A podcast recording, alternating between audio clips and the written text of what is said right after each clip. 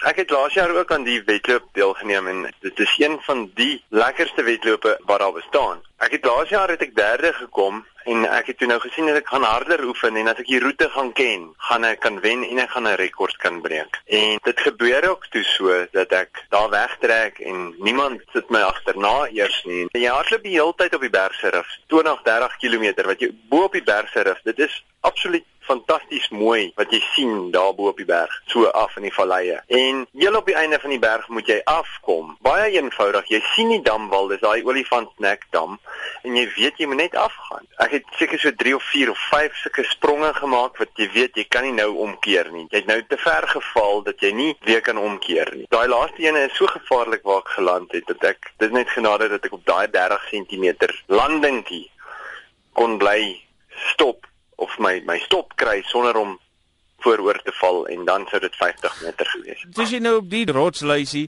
en jy besef skielik maar jy sit vas want en nou, wat gaan dan deur 'n ou se kop? Dit was erg. Ek beloof vir jou, ek het binne 5 sekondes het ek besef ek is nou vasgekeer. Ek het dit dadelik dadelik dadelik besef. Ek het een keer omgekyk terug boontoe en gesien dit is so skuins op dat as jy opklim dan is jou gesig na die berg toe.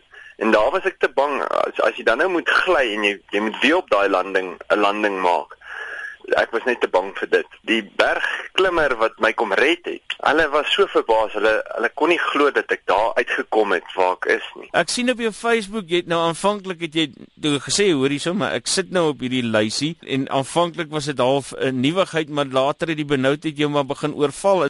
Absoluut. Nee, die benoudheid het die eerste keer ingeskop toe ek my vrou gerus stel. Ek bang sy vind iets uit en toe sy antwoord, toe bars ek uit in trane.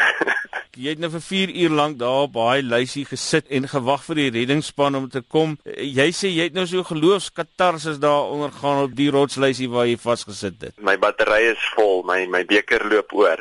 Ek is van plan om om hierdie tweede kans in my lewe regtig met al twee hande aan te gryp en 'n paar dinge anders te doen vorentoe. Jy sê jy het gister so 'n bietjie sleg gevoel. Waar skryf 'n mens dit toe? Dink dis maar naskok. Hulle het my gewaarsku ook. Jy sal selfs in 'n ligte depressie sal jy oorval en dit het seker so 3 keer gebeur wat ek weer emosioneel was. Kom ons kom nou by jou vrou se reaksie. Jy het nog gedink jy gaan jou vrou vertroos en toe bars jy in trane uit. Wat was haar reaksie?